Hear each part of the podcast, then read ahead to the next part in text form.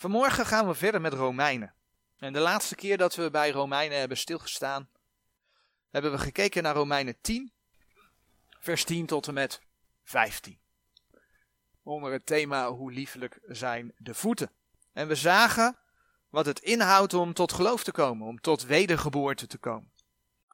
Eigenlijk heel eenvoudig erkennen dat je een zondaar bent, erkennen wat de Heer Jezus voor je gedaan heeft, dat Hij voor je zonde gestorven en opgestaan is. Ja, en dat beleid je de Heer. En dan zegt de Heer dat je zalig geworden bent, dat je behouden bent. En ook nog dat je daarin niet beschaamd zult uitkomen. Je mag het dan zeker weten. Nou, deze versen, Romeinen 10, vers 10 tot en met 15, dat gedeelte zijn hele mooie versen om, om uit te leggen hoe iemand behouden wordt. Maar ook laten die versen zien dat prediking, straatprediking bijvoorbeeld, dat het belangrijk is. In de ogen van de wereld dwaasheid, maar het is Gods wijsheid om mensen op die manier te redden. Alleen de vraag voor de mensen is dan, geloven jullie het ook? Want het woord van God gaat pas iemand werken. Als iemand het ook gelooft. Een, een mooie tekst die je daarbij zou kunnen opzoeken, daar hebben we een tijd terug ook bij stilstaan, is 1 Thessalonicense 2 vers 13. Heel duidelijk zegt dat het woord pas werkt als iemand dat ook gelooft. Nou, en daar gaan we in de vervolgversen, gaan we daar onder andere mee verder. En dan willen we als eerste een stukje uit Romeinen 10 lezen, de versen 16 tot en met 21. Romeinen 10 vanaf vers 16. Doch zij zijn niet alle het evangelie gehoorzaam geweest. Want Jezaja zegt, Heere, wie heeft onze prediking geloofd? Zo is dan het geloof uit het gehoor en het gehoor door het woord Gods. Maar ik zeg, hebben zij het niet gehoord? Ja toch, hun geluid is over de gehele aarde uitgegaan en hun woorden tot de einde der wereld. Maar ik zeg, heeft Israël het niet verstaan? Mozes zegt eerst, ik zal uw lieden tot jaloersheid verwekken door degenen die geen volk zijn. Door een onverstandig volk zal ik u tot toren verwekken. En Jezaja verstout zich en zegt, ik ben gevonden van degenen die mij niet zochten. Ik ben openbaar geworden, degene die naar mij niet vraagden. Maar tegen Israël zegt hij, de gehele dag heb ik mijn handen uitgestrekt tot een ongehoorzaam en tegensprekend volk. Tot zover Romeinen 10. Nou, in vers 14 en 15 hadden we dus gezien dat de prediking dat dat nodig is. Zodat mensen de Heeren kunnen gaan aanroepen. Maar dan zegt allereerst Romeinen 10 vers 16 dat niet iedereen iets met die prediking doet. Doch zij zijn niet alle het evangelie gehoorzaam geweest, want Jezaja zegt, Heere, wie heeft onze prediking geloofd? Nou, dat is iets wat de Heer ook verder in zijn woord laat zien. Als je naar de Heer Jezus kijkt, die de gelijkenissen vertelde, bijvoorbeeld in Lucas 8 kom je die tegen, de gelijkenis van de zaaier, dan vertelt hij dat het zaad gezaaid wordt en dat er maar slechts één deel van het zaad is dat in goede aarde valt. De rest valt bij de weg, de vogelen des hemels pikken het weg. Of het uh, valt op steenachtige bodem, komt wel op, maar dan verdort het. En uh, een deel valt tussen het onkruid. Er is maar een, een deel dat in goede aarde valt. Nou, Paulus die citeert in Romeinen 10 vers 16, Jezaja 53 vers 1. Jezaja 53 vers 1. En die vraag die wordt in eerste instantie dus aan het Joodse volk gesteld. Maar als je naar de context hier kijkt in Romeinen 10, uh, eh, vers 19 en 20, maar overigens ook in de profeet Jezaja en ook in de wet, want je zou daar ook nog Deuteronomium 32 vers 21 bij kunnen opzoeken. En daar zijn die versen een citaat van. Dan zie je dat die versen laten zien dat de heidenen de Heer wel zullen vinden. Dat lees je ook hierin in Romeinen 10. vers 19 en 20 nog een keer. Maar ik zeg, heeft Israël het niet verstaan? Mozes zegt eerst, en daar citeert Paulus Deuteronomium 32 vers 21, ik zal uw lieden tot jaloersheid verwekken door degenen die geen volk zijn. Door een onverstandig volk zal ik u tot toren verwekken. En Jezaja verstout zich en zegt, ik ben gevonden van degene die mij niet zochten. Ik ben openbaar geworden degene die naar mij niet vraagden. Dat onverstandige volk, dat zijn dus de gelovigen uit de heidenen. Dus wij worden uh, een onverstandig volk genoemd. Die eerst geen volk waren, maar wel een geestelijk volk geworden zijn. Nou, in 1 Petrus wordt dat ook letterlijk zo gezegd. 1 Petrus 2, vers 5, vers 10 kun je nalezen. En dat onverstandige volk zal Israël dus tot jaloersheid verwekken. En dan komt hij, dat betekent niet dat Israël direct tot bekering gaat komen. Want die bekering van Israël als volk, er zijn wel enkelingen die de Heren aannemen, maar de bekering van Israël als volk komt pas als de Heere terugkomt. Uh, een vers, en laten we dat toch even opzoeken, Zacharia 12 vers 10. De Bijbel spreekt namelijk niet voor niks over een overblijfsel. En in Zacharia 12 vers 10, daar lezen we toch echt het volgende. Doch over het huis Davids en over de inwoners van Jeruzalem zal ik uitstorten de geest der genade en der gebeden. En zij zullen mij aanschouwen die zij doorstoken hebben als met de rouw klagen over een eigen zoon. En zij zullen over hem bitterlijk kermen, gelijk men bitterlijk kermt over een eerstgeborene. Hier, hier komt Israël tot geloof. En wanneer is dat? Als de Heer teruggekomen is. Dus als de Heer teruggekomen is. Israël heeft grotendeels de Heer verworpen. In Romeinen 10 vers 21 staat dan ook geschreven, maar tegen Israël zegt hij, de gehele dag heb ik mijn handen uitgestrekt tot een ongehoorzaam en tegensprekend volk. Nou, dat is ook weer een citaat van Jezaja, kun je in Jezaja 65 vers 2 vinden. Romeinen 11 gaat er dan onder andere over dat de Heere Israëls ongelovigheid gebruikt heeft om de heidenen te bereiken. En het overblijfsel uit Israël zal de Heere geheel aannemen. Maar dat is dus voor wanneer we Romeinen 11 gaan bespreken, dan gaan we daar ook uitgebreider op in. Nou, dat de heidenen Israël tot jaloersheid zouden verwekken, dat profeteerde Mozes dus ook al. En dan bladeren we, dan gaan we die tekst in Deuteronomium ook gewoon lezen. Deuteronomium 32, vers 21. Mozes heeft dat al geprofeteerd. Deuteronomium 32, vers 21. En als je goed leest, we gaan dat vers zo lezen, dan zie je dat ze daarmee eigenlijk, ja, noem het maar even, een koekje van eigen deeg krijgen. Want zij hebben namelijk de Here tot jaloersheid verwekt. En waarom hebben zij de Here tot jaloersheid verwekt? Omdat ze de Here niet eerden. Omdat ze de afgoden achterna gingen. De afgoden van de volken. En daarom zegt de Heere dat hij hen tot jaloersheid zal verwekken. Kijk maar, Deuteronomium 32 vers 21. Zij hebben mij tot ijver verwekt door hetgeen dat geen God is. Zij hebben mij tot toren verwekt door hun ijdelheden. Dat is wat Israël God heeft aangedaan. En moet je kijken wat er in het vervolg staat. staat. Ik dan zal hen tot ijver verwekken door degene die geen volk zijn. Door een dwaas volk zal ik hen tot toren verwekken. God verwekt dus door zij die niet Israël zijn, de Joden, tot ijver, tot jaloersheid. En niet alleen tot jaloersheid, die jaloersheid zorgt ervoor dat ze toren krijgen. Dat ze boos worden. Dus de Heer is wel degelijk toornig op Israël. De tijden der heidenen, hè, dat Jeruzalem vertreden wordt, dat is dus tot in de grote verdrukking. Dat is wel degelijk de straf van de Heere God over het feit dat Israël de afgoden dient en de Heere verworpen heeft. En als je Jezaja gaat lezen bijvoorbeeld, dan kom je dat ook regelmatig tegen. Jezaja 3 bijvoorbeeld, vers 1, vers 8, vers 9, vers 11, vers 14. Maar ook op andere plekken in Jezaja zie je dat echt. Maar Israël wordt dus tot jaloersheid verwekt doordat de heidenen de naam van de Heer gaan noemen. En dat betekent dus niet direct dat Israël daardoor tot geloof komt, maar dat zij boos worden. En voorbeelden in de schrift vinden we. Kijk maar in Lucas 4. Lucas 4 vanaf vers 24 gaan dat gedeelte even lezen. Lucas 4 vanaf vers 24. Hier spreekt de Heer Jezus en hij zegt, en hij zeide, voorwaar ik zeg u, dat geen profeet aangenaam is in zijn vaderland. Maar ik zeg u in de waarheid, er waren vele weduwen in Israël in de dagen van Elia, toen de hemel drie jaren en zes maanden gesloten was, zodat er grote hongersnood werd over het gehele land. En tot geen van haar werd Elia gezonden, dan naar Sarepta Sidonus tot een vrouw die weduwe was. En er waren vele melaatsen in Israël ten tijde van de profeet Elisa. En geen van hen werd gereinigd, dan naar Aman, de Syriër. En dan lees je vers 28. En zij werden alle in de synagoge met toren vervuld als zij dit hoorden. En opstaande wierpen zij hem uit buiten de stad en leidden hem op de top des bergs, op de welke hun stad gebouwd was, om hem van de stelte af te werpen. Maar hij, door het midden van hen doorgegaan zijnde, ging weg.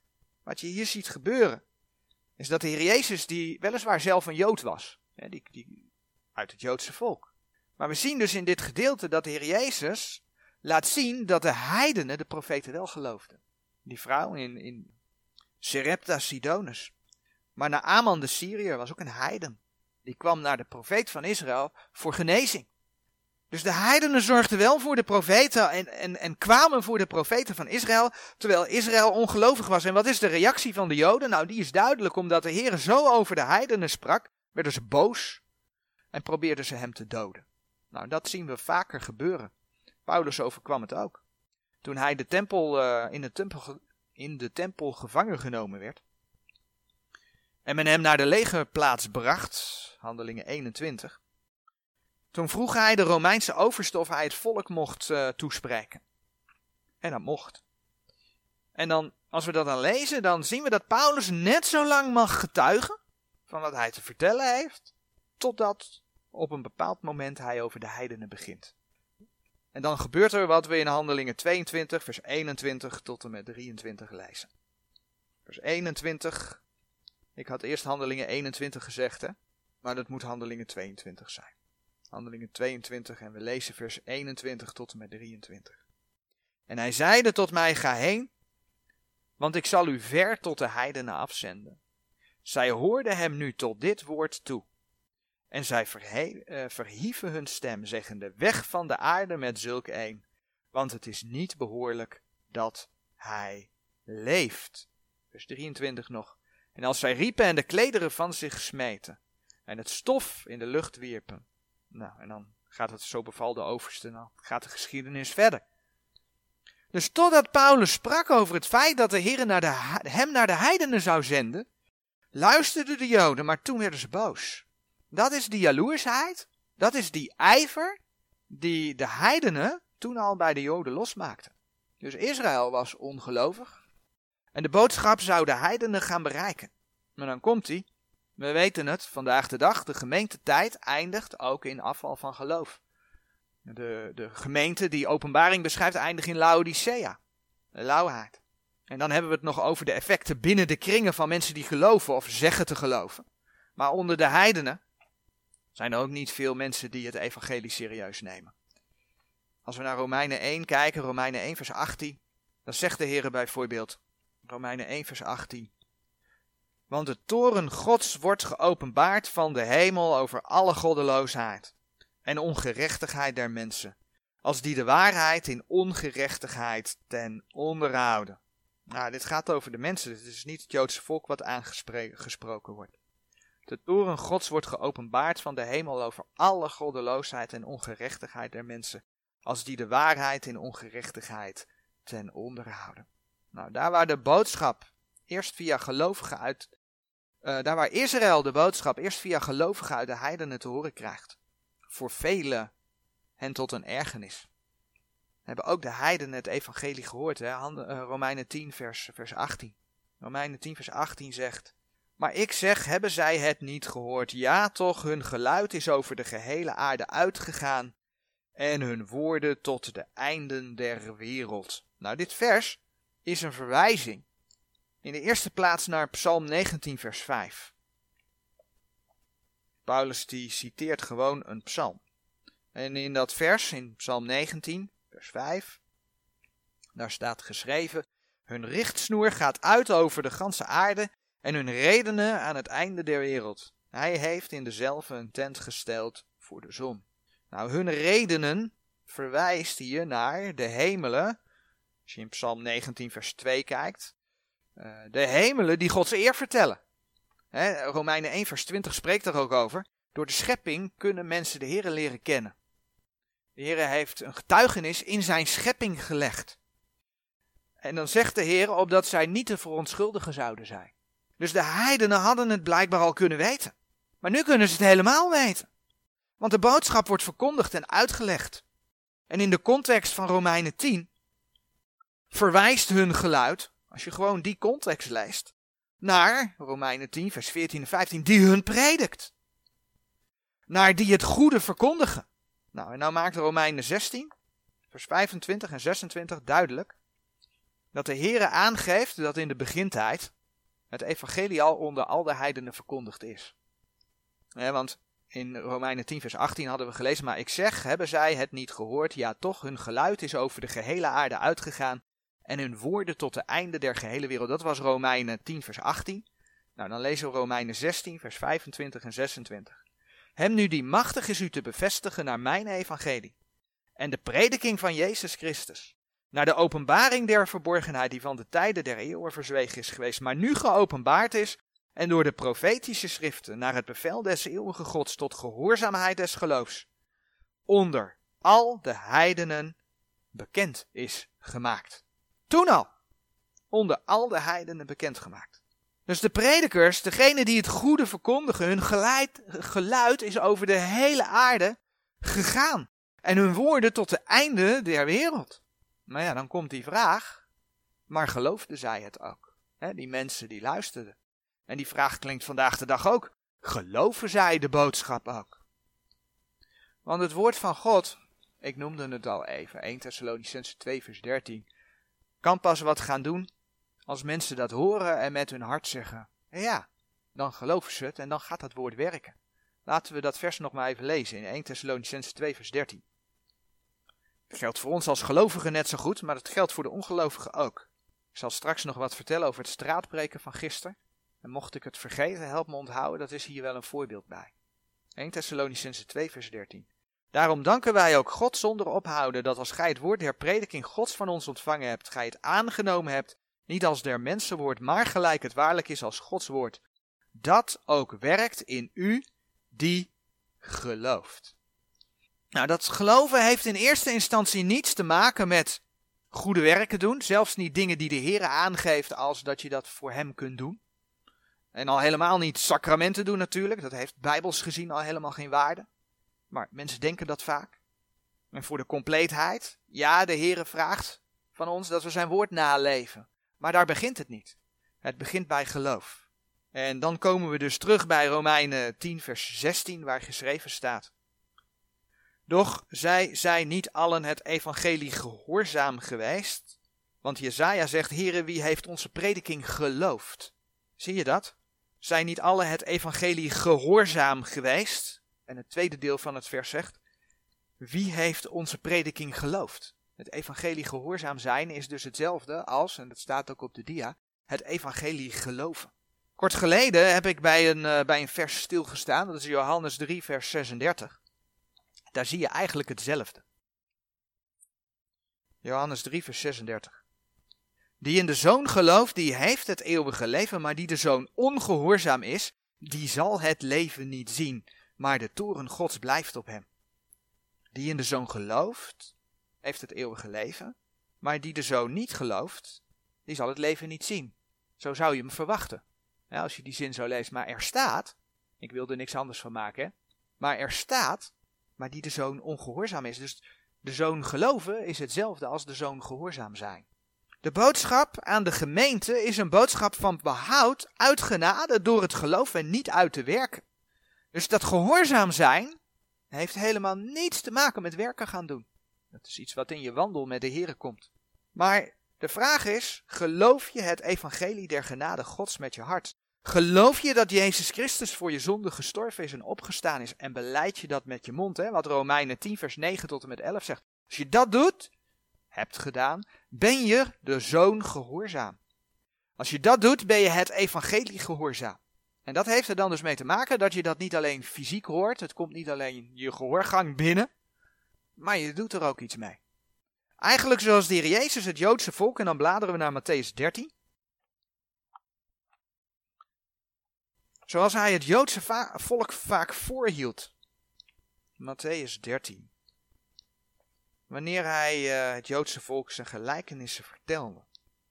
De gelijkenis van de zaaier besluit hij bijvoorbeeld, Matthäus 13 vers 9, op de volgende manier. Wie oren heeft om te horen, die horen. Ja, zou je zeggen, dat is nogal wieders. Maar de bedoeling is dus Hoor jij er ook echt naar? Of gaat het het ene oor in en het andere oor uit? Wie oren heeft om te horen, die horen. Want je kunt iets horen, maar er niets mee doen. Van hetzelfde volk zegt de Heer Jezus in Matthäus 13, vers 13. Dat zij op dat moment horende niet horen, nog ook verstaan. Je kunt dus horen zonder te horen. Ja, het niet willen, het niet verstaan, het niet willen verstaan. Het fysiek aanhoren, maar er nee tegen zeggen. En volgens Matthäus 13, vers 15 was hun hart dik geworden. En hebben ze zwaarlijk gehoord. Maar als je dat woord van God hoort en gelooft, dan zal dat ook gaan groeien. Je kunt niet in één keer alles weten, alles begrijpen, alles verstaan. Dat, dat kan niet. Maar je zult merken dat als je er amen op zegt, als je het gelooft, dat dat langzaam gaat groeien. Dat je, dat je steeds meer zult gaan verstaan. Als je Gods woord trouw leest, zul je ook merken dat je bij een volgende ronde nieuwe dingen tegenkomt die je de eerste ronde niet zijn opgevallen. En zo leer je langzaam dat woord van God kennen. De Heer Jezus die zei in Matthäus 13 vers 12, want wie heeft, die zal gegeven worden en hij zal overvloediglijk hebben. Maar wie niet heeft, van die zal genomen worden, ook wat hij heeft. Het begint bij geloof. De bedoeling is dus dat men de boodschap hoort en verstaat. Dat is geloof dat behoud geeft. Dat is gehoorzaamheid aan het evangelie. En als we dan nu Romeinen 10 vers 17 nog een keer lezen, dan wordt ook dit vers dieper. En we lezen dat vaak, vaak om te laten zien dat het geloof ontstaat door het horen van het woord van God. Dat vers dat zegt, zo is dan het geloof uit het gehoor en het gehoor door het woord Gods. Maar het mag duidelijk zijn dat het niet alleen om het fysiek horen van die woorden Gods gaat. Dat het alleen maar binnenkomt. Als wij op straat staan, al die mensen die dat woord horen, nou dan komen ze ook allemaal tot geloof. Nee, zo werkt het niet. Ze zullen echt wel ja moeten zeggen op die verkondiging. Als ze geen ja zeggen op de uitnodiging van het evangelie, dan is het niet van hen. Je moet zelf persoonlijk ja zeggen. Die oren heeft, die horen. En daarom is prediking nodig. Amen.